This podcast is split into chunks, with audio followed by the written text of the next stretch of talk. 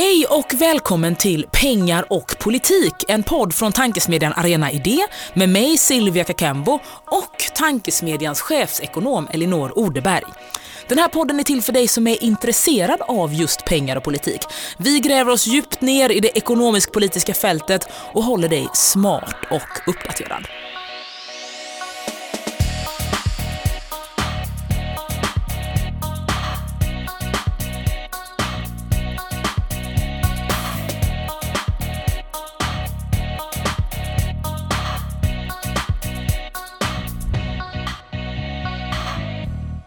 Men hej Elinor! Hej! Kul att se dig här idag. Ja, detsamma. Du har varit i mötesrum efter mötesrum här under förmiddagen. Jag har haft mötesmaraton och nu sitter vi här i studion. Det är inget dagsljus här inne så att man vet ju inte ens vad klockan är. Vi har en liten, uh, liten golvlampa så det känns som att vi ska berätta spökhistorier för varandra snarare än att prata om uh, världsekonomin. Det kanske blir spökhistorier, jag vet inte.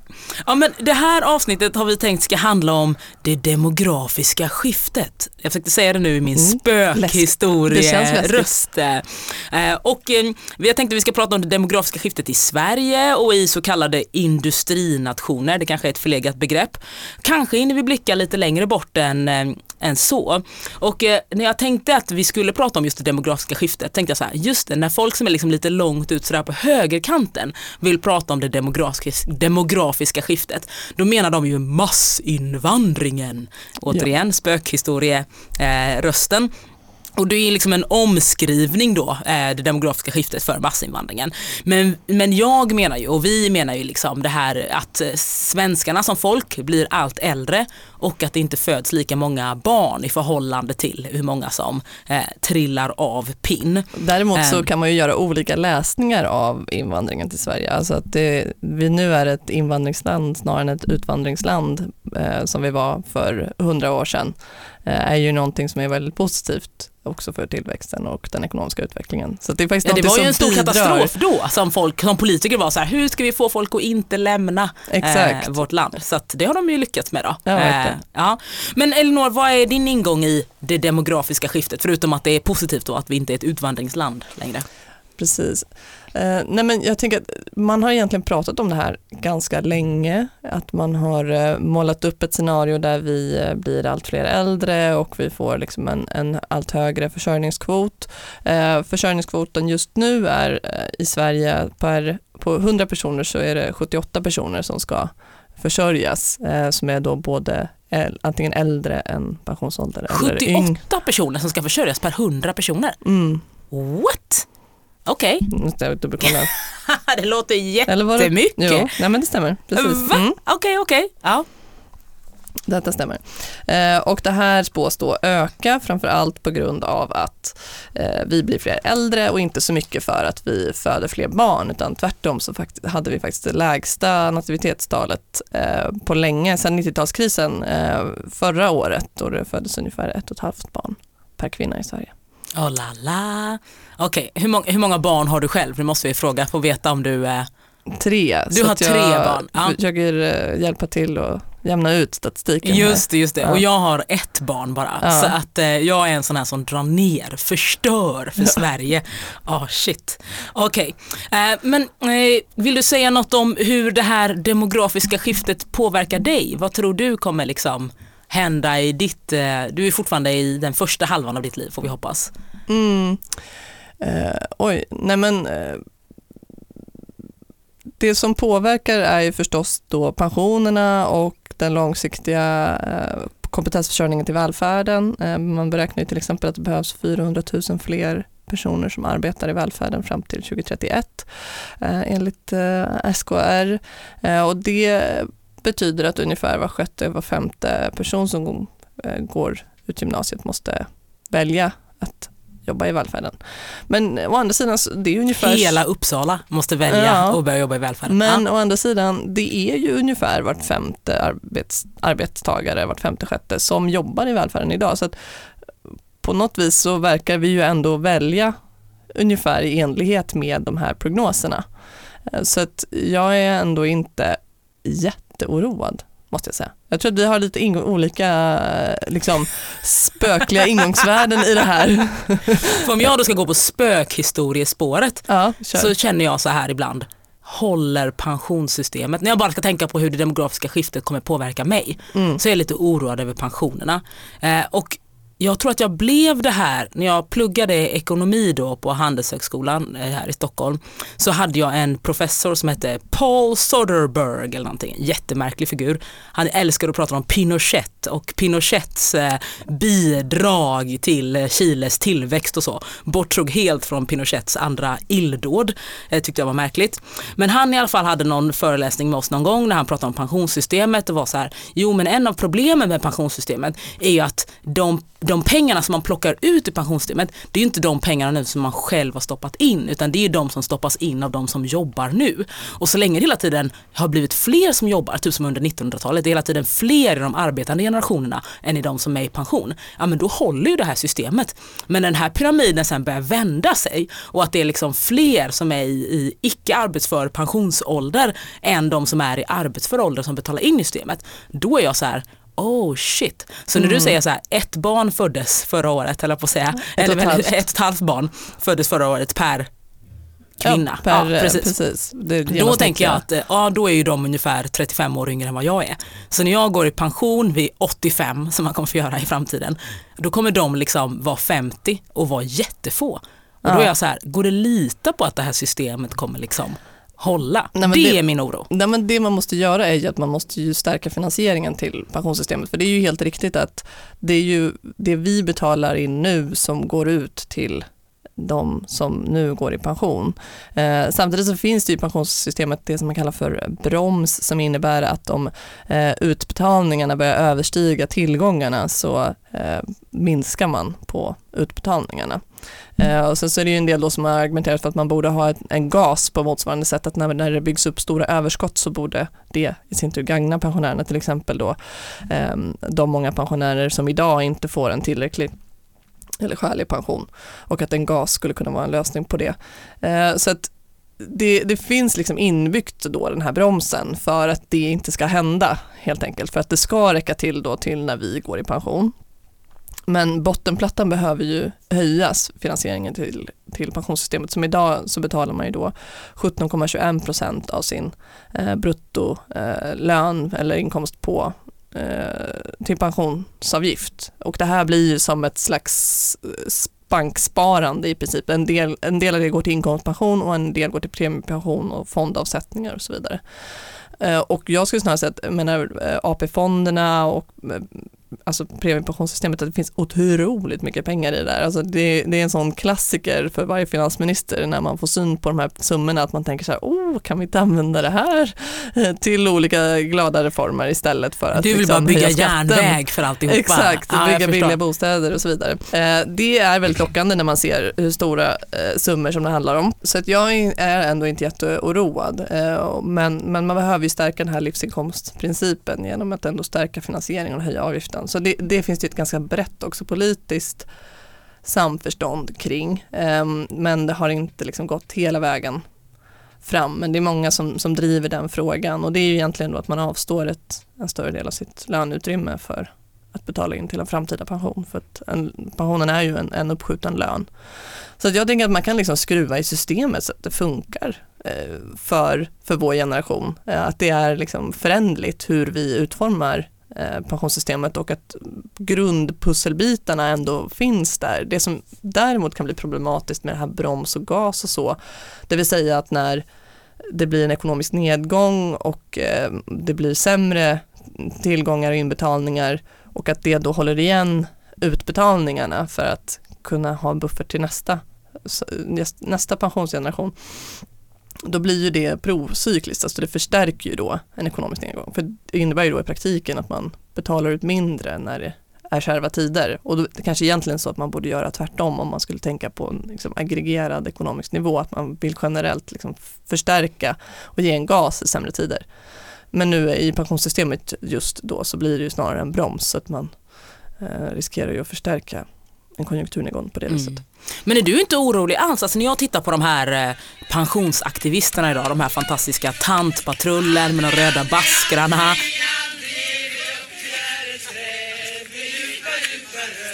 och andra som är liksom ute och Stå på protesterar. Mynttorget Ja, men, dag ut och då dag in. är ju de så här, jag tänker att deras signal till oss andra är så här, ni skiter ju i oss. Mm. Eh, för att vi typ är kvinnor som har jobbat deltid i yrken med liksom lägre inkomster än genomsnittet. Och eh, känner inte du dig orolig för att så här, ja, de kommer också skita i dig när du blir gammal? Även om det finns sätt att lösa det här som du beskriver liksom med politiska medel. Men kommer man faktiskt göra det tror du?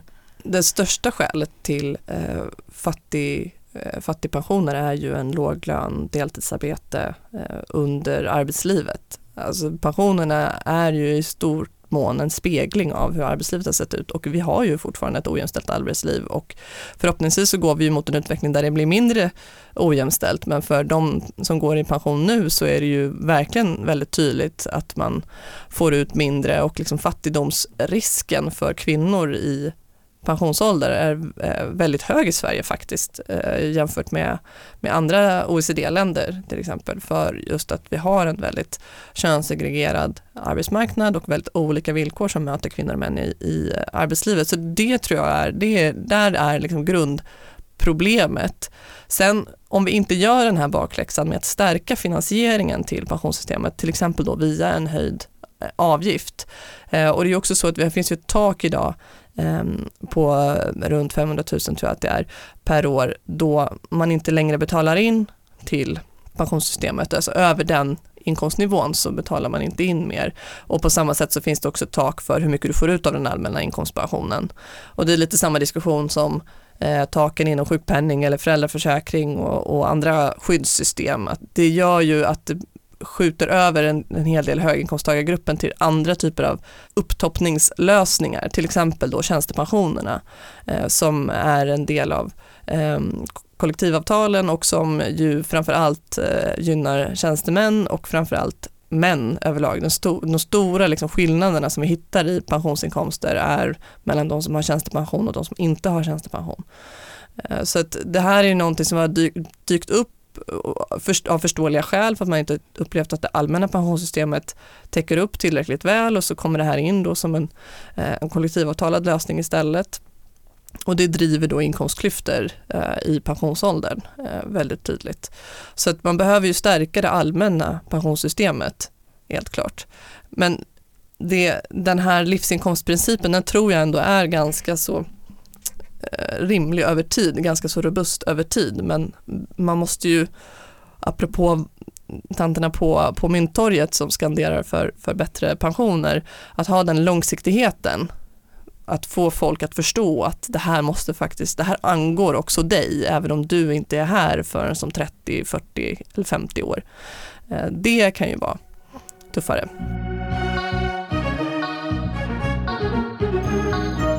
Okej nu höll det här på att bli stora pensionsavsnittet fast det egentligen skulle jag vara... var såhär, nej, eller hur? Eller jag vill hur? inte. fast det egentligen skulle vara det demografiska. Men kan du inte säga något om, eh, om man är ekonom då så tänker man att eh, ja tillväxt är, är viktigt. Du var lite inne på det med utvandring och invandring och så.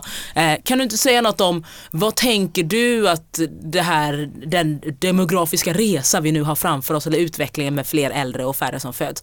Hur kommer det påverka svensk eh, tillväxt och i förlängningen då vårt välstånd på sikt? Nej, men eh, Västeuropa hade ju lite av ett momentum på 50-60-talen med en väldigt eh, ung befolkning eh, och på liknande sätt är Indien typ där idag. Eh, men på längre sikt så kommer ju det här tippa över i när då födelsetalen inte hänger med i att man får en liksom stor grupp äldre som ska försörjas av en mindre grupp eh, yngre.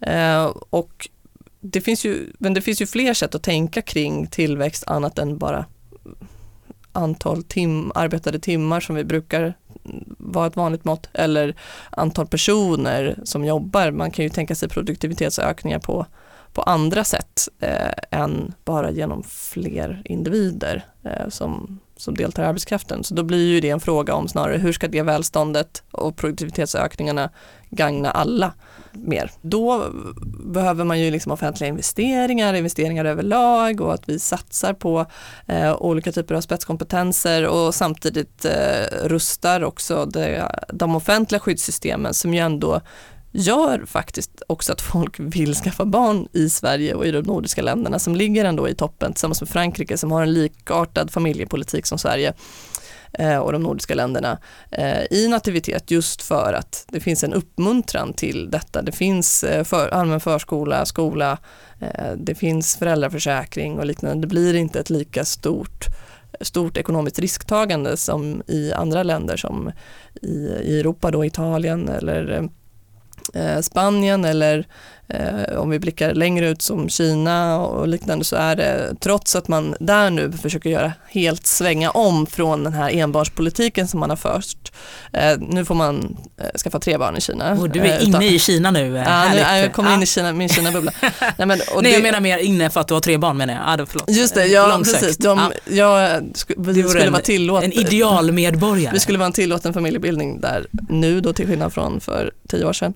Um, Nej men och då, där ger man ju nu bonusar och grejer till familjer för att man ska vilja skaffa barn för att man, den här ettbarnspolitiken har slagit helt bakut och lett till att man har väldigt, väldigt låg nativitet i, eh, i Kina. Och eh, man, de, många kinesiska demografer bedömer ju att Kinas befolkning på idag 1,4 miljarder kommer halveras till 2045 som konsekvens av att det helt enkelt inte föds tillräckligt många barn. Their rationale for this was what?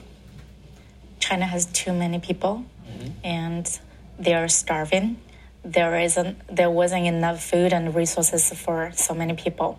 So they had to control the population and the way to do it is to have fewer people in each family. They haven't anticipated the consequences of um, implementing the policy in such a massive country.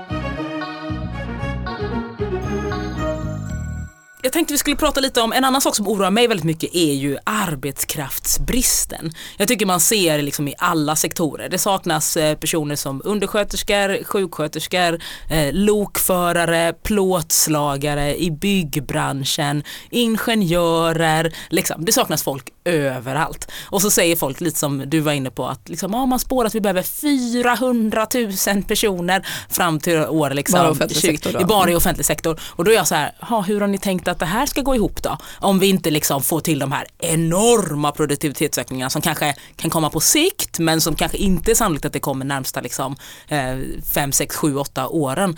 Men kan inte du säga, vi var inne på liksom, eh, offentlig sektor och välfärden. Kan, kan, du säga någonting om privat sektor också och hur vi liksom ska hantera arbetskrafts Bristen Men sanningen är ju att eh, både arbetskraftsinvandring och invandring överlag har varit en, en viktig en viktig motor i svensk tillväxt och en viktig del av den här arbetskraftsförsörjningen generellt i många yrken.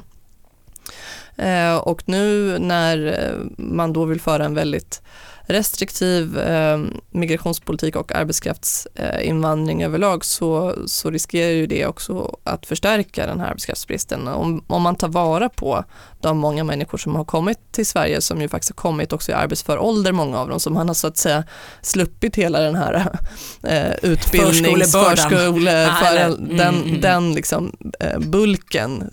Det är ju då vi kostar som mest, det är när, när vi är små och när vi är äldre helt enkelt då, då kan ju det vara en stor konkurrensfördel för svensk ekonomi och har också varit det historiskt.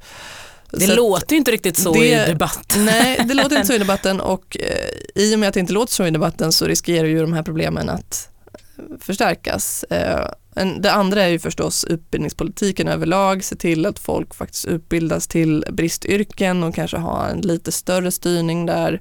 Eh, men jag, ärligt sagt så jag är ändå inte jätte jätteoroad för att folk vill ju få ett jobb och en trygg försörjning. Alltså det finns en organisk rörelse mot mot färre influencers och fler ja, jag tror det. ja, men precis det här, jag ska bli miljonär på mitt ISK min, och Instagram. Jag tror att det är en, liksom en begränsad klick som faktiskt tror att det funkar så. Eh, de allra flesta tror jag av naturliga skäl rör sig mot yrken där det faktiskt efterfrågas arbetskraft. Jo men kommer men, det finnas tillräckligt många personer? Det är det jag frågar mig. Ja, det tror jag. Du tror det? Jag tror det. Jag tror Ja. att det kommer lösa sig. Jag tror, ja, men, det har ju gjort det eh, hittills. Alltså, det, det blir ju som till exempel då det här 400 000 mer i välfärden ett helt Uppsala som du tar. Så. Ja, förlåt, Malmö kanske egentligen var mer korrekt. Mm. Ja, precis. Eh, det här är vitt, man vittnar om att man liksom, jag vet bara hur många som bor i typ Stockholm. Stockholmarna. Ett Södermalm Mm. kanske. Ja, fyra Södermalm. Ja. nej, fyra Södermalm, ja precis, nej 90 Jag 000. tror, var det inte 100 000 på Södermalm? Ja, något sånt där. Ja, whatever. Mm. Hur som helst, det låter ju väldigt många, men då ska man ju komma ihåg att det är ungefär eh, drygt 300 000 som går i gymnasiet eh, just nu. Eh, så att det är ungefär var femte, var sjätte person som skulle behöva välja det här yrket och vi har idag en femtedel redan av arbetskraften som är i de här yrkena. Så det är inte en jättestor avvikelse från hur det ser ut nu. Mm. Eh, Det, det som skulle ju vara då, så skulle vara om ingen vill jobba i de här yrkena framöver, då får vi ju stora problem. Eh, Och därför så är det ju såklart viktigt med arbetsvillkoren och lönerna och pensionerna, alla de här bitarna. För att det är klart att det finns ju ändå en risk att folk är såhär, nej, aldrig i livet, jag tänker inte jobba i hemtjänsten. Liksom. Det är, och, och ha de här taskiga villkoren, även om hemtjänsten som yrke skulle kunna vara och är för många en fantastisk plats med rätt förutsättningar. Mm. Och det här leder oss in på da, da, da, da, veckans, Veckans siffra. siffra. Ja, vi kanske kan få, vi ska be vår tekniker Simon att ge oss en lite mer eh, professionell eh, jingel där. Veckans siffra. Vad är veckans siffra den här veckan? Den här veckan siffra är 2,1. Det är så många barn. 2,1. Ja. Mm. Så många barn som vi måste eh, skaffa för att, i genomsnitt för att befolkningen inte ska minska. Just det, för att det bara ska vara som en, eh, en, en, quo. liksom, en, en tunn, inga, inga toppar och dalar här Mm, mellan mm. de olika generationerna. 2,1 och då som sagt, du bidrar lite mer och jag bidrar lite mindre. Eh, Ja. Och snittet är 1,5 just nu. Ja. Jag kände när jag var med våran, en gemensam bekant till oss i lekparken häromdagen att eh, hon har ett barn och att eh, jag var, var tvungen att liksom slita ner mitt ena barn från en klätterställning och hindra mitt andra barn från att liksom rusa in i skogen eh, och samtidigt som mitt tredje barn försökte eh, liksom slita sig ur vagnen och vi skulle hinna med en spårvagn. Eh, att liksom, och så blev hon liksom helt blek, kallsvettig liksom. Och, eh, Det här var dålig reklam Det var för dålig reklam. 2,1 eh, Det liksom, eh, dogmen. Det, Ja. var, det var dålig reklam och så jag tror jag traumatiserade henne lite, jag måste prata med henne. Det, det. Men det, det är så det ser ut i trebarnsvardagen. det, så att om man vill bidra till svenskt välstånd på sikt då Så ska man, man skaffa två barn och vissa måste skaffa tre då, för att Ja. det ska, ska löna sig. Andra kan skaffa fyra, fem. Ja, vi får se hur det går helt enkelt. Men där har vi ju en viss klyfta eh, i Sverige. Alltså det, de som skaffar typ fyra barn eh, eller fler är ju antingen då höginkomsttagare eller eh, liksom in, en del invandrargrupper där man föder fortfarande många barn. Så det är liksom där, det, det är väldigt mycket en klassfråga eh, faktiskt, vilka som skaffar många barn. Jag tycker Eh, vi ska tacka höginkomsttagarna och invandrarmorsorna för Verkligen. deras eh, bidrag, för deras bidrag till, till, liksom den till, eh, demografiska folkstammen. Ja. Exakt. Ja men eh, okej, vi lämnar veckans siffra då. Tack så jättemycket för, för den. Eh, men om vi går tillbaka till demografin, kan det innebära något bra då det här med att, eh, eh, med att vi blir fler äldre och färre barn och att vi blir färre? Jag började tänka på så här, Fast bostadsmarknaden. vi blir inte färre på totalen. Vi blir inte färre på världen. total. Ah, okay. Alltså, det- Nej jag menar inte i världen, jag menar i Sverige. Men det, Eh. det vill jag bara sticka in, alltså vi, nu är vi ju eh, upp, gått från, liksom en, en, alltså från 7 till 8 miljarder på 12 år i världen. Men i Sverige då? Nej, inte i Sverige. Nej men jag menar, har du Sverigesiffror? Ja, vi är ju 10,5 miljoner människor i Sverige. Ja. Vad spår man då? Vet du det? Eh, jag har faktiskt inte koll på det exakt, men man spår ju, att vi kommer man spår ju en befolkningstillväxt Oh no. totalt. Jag så tänkte Alltså- så här, hmm, det kanske kan bli massa liksom ettor lediga Nej. här framöver. Nej, nej, eftersom liksom att vi massa lever ju redan- längre så att vi, Aj, alltså, ja. vi, vi, det tas ju ut också av det. Så att, eh, befolkningstillväxten avgörs ju både av eh, Eh, hur många som dör och hur många som föds och vi lever ju längre. Aj, aj, aj. Okej, okej, strunta i bostadsmarknaden då, riktigt dålig idé. Eh, ja men reallönerna då, hur kan de påverkas? Är det så att om det är färre personer som arbetar eh, i förhållande till hur många som inte arbetar och att det är liksom arbetskraftsbrist i många sektorer, är det så att man som liksom, eh, undersköterska i hemtjänsten kommer kunna förhandla sig fram till en bättre lön? Jag tänker lite som efter digerdöden när man bara, okej okay, det finns hur mycket jordbruksmark som helst och inga människor som kan bruka den här jorden och plötsligt blir då liksom människor jättemycket mm. mer värt än vad man har varit liksom relativt sett i förhållande till eh, kapital eller mark eller vad man ska kalla det. Är det så att alla vi som faktiskt eh, kommer jobba och kan jobba kommer bli mer värda eh, i det ekonomiska spelet? Ja, det, det, finns ju redan sådana här tendenser men tyvärr finns det väldigt tydliga vinnare och förlorare i det där spelet. Jag tänker då till exempel på så här hyrläkare, stafettsjuksköterskor och, och liknande som ju som individer då kan förhandla upp sin lön. Dock ska sägas att det är inte alltid så lönsamt att gå från anställd till företagare om man tittar på det ur ett livsinkomstperspektiv och pensioner och allt sånt där.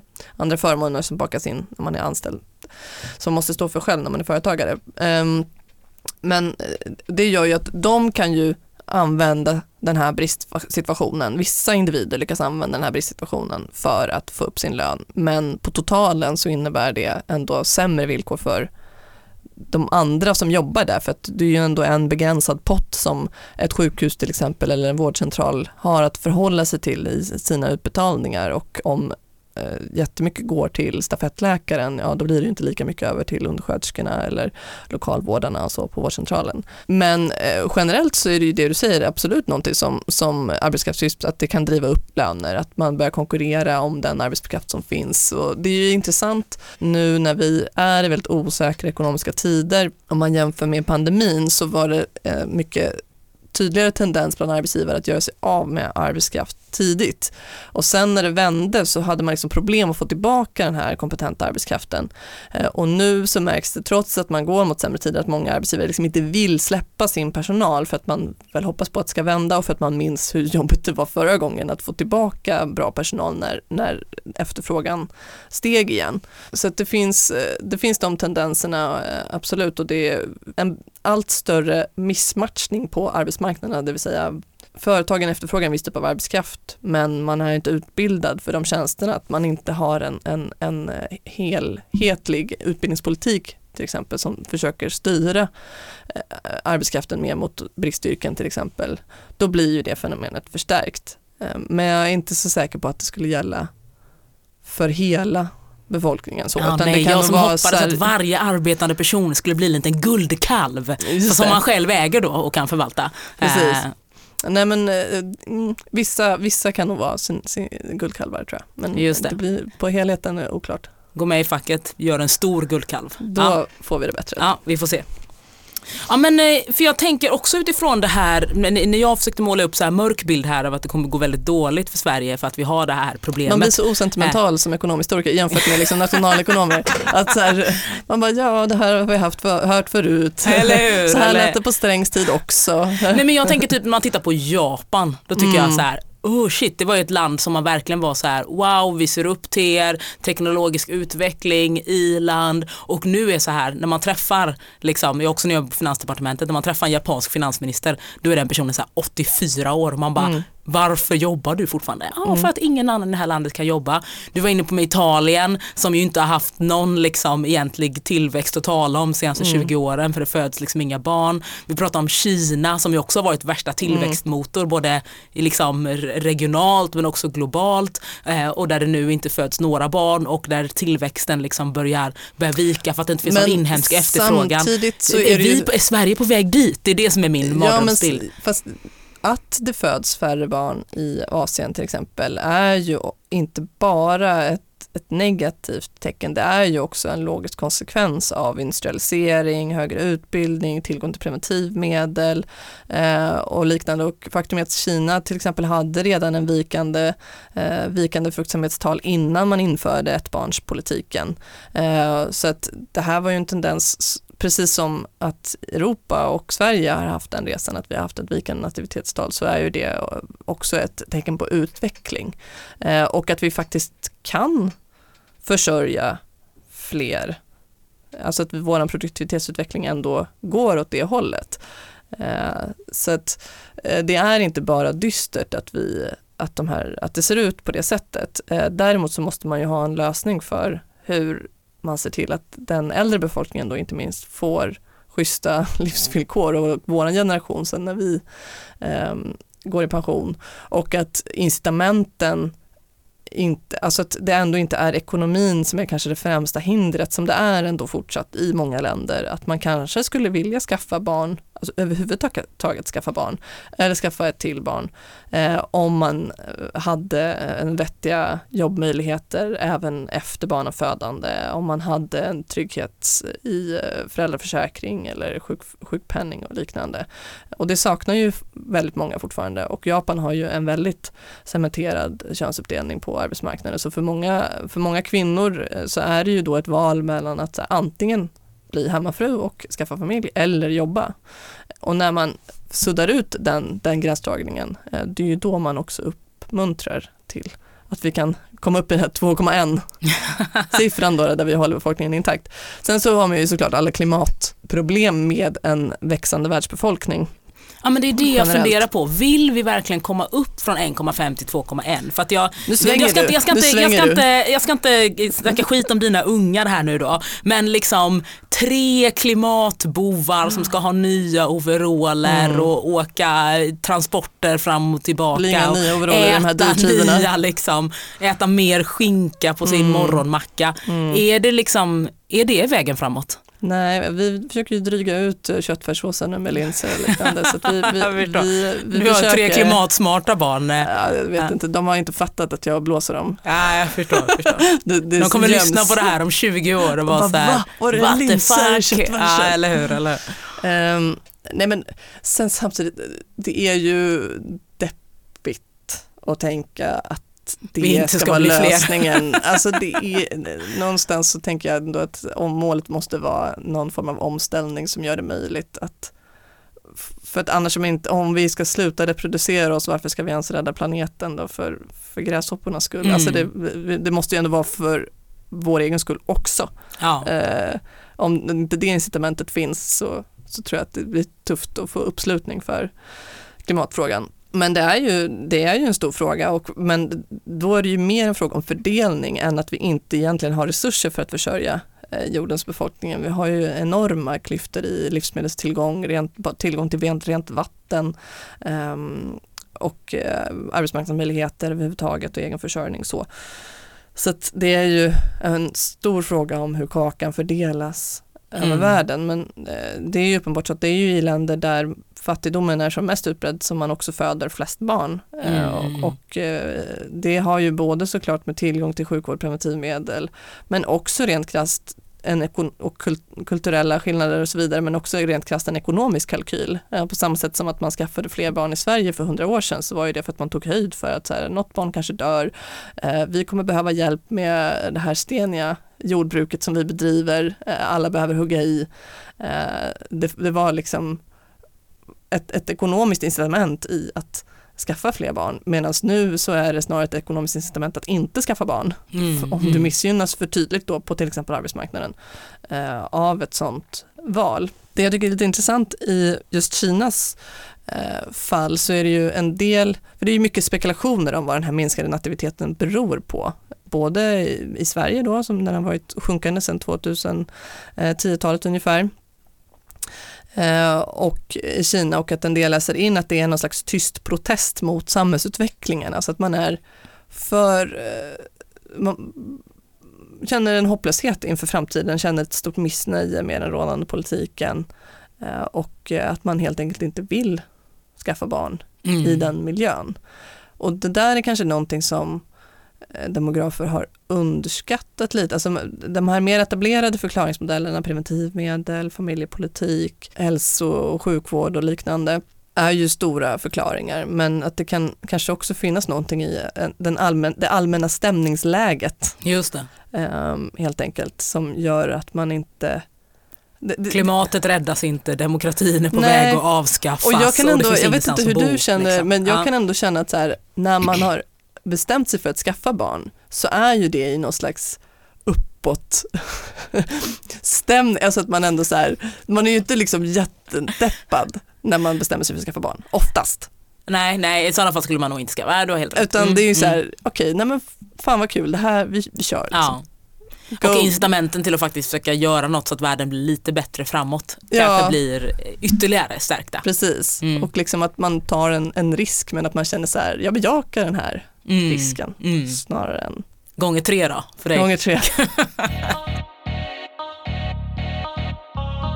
Ja men eh, vi var inne lite på också vad det finns för lösningar och så. Alltså, eh, vi pratade om mer liksom barnvänlig välfärd, det vi varit inne på, bättre barnomsorg, bättre skola och, och sådär. Mer föräldraledighet. Eh, jag tänker, vi pratar liksom arbetskraftsinvandring. Finns det någon mer som du ser som så här, det här skulle kunna vara lösningen för att klättra upp från 1,5, 1,6, 1,7 till det hållbara 2,1.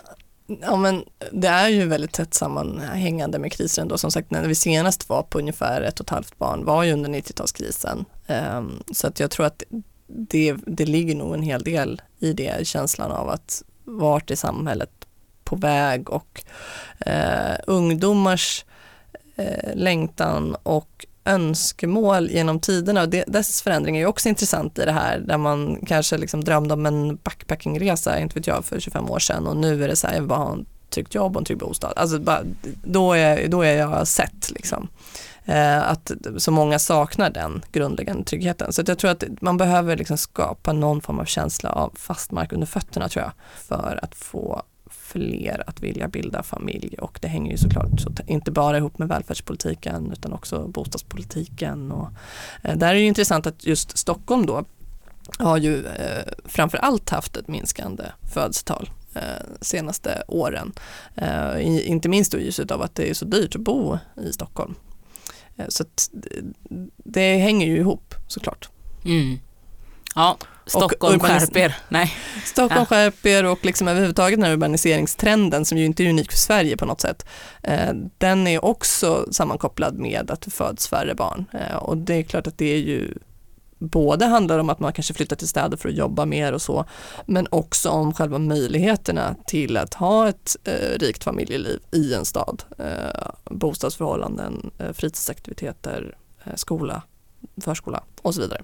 Mm. Så det är egentligen så här, jag tror inte att det här är så här uppfinna hjulet på nytt. Jag tror bara att det handlar om att liksom stärka den här samhällsväven som vi ju faktiskt har försvagat under ganska lång tid eh, och prioriterat andra saker, typ skattesänkningar och sånt. Mm. Som vanligt blir svaret, smeta ut välståndet på fler. Det kan lösa precis, många olika problem. Ja, Ja. precis. Folk som lyssnar på den här podden kommer höra mig prata fördelning fler gånger. Vi har bara ett svar, fördela mera. Ja, men, för, Ja, men- Fördela mer men också få kakan att växa och de två sakerna hänger väldigt tätt ihop. Och det får bli de sista orden för idag. Tack så jättemycket Elinor. Tack så du ha Silvia. Du har lyssnat på Pengar och politik, en podd från den progressiva och partipolitiskt obundna tankesmedjan Arena Idé. Och podden produceras i samarbete med PR och kommunikationsbyrån Arena Opinion. Mer info om tankesmedjan hittar du på www.arenaidé.se.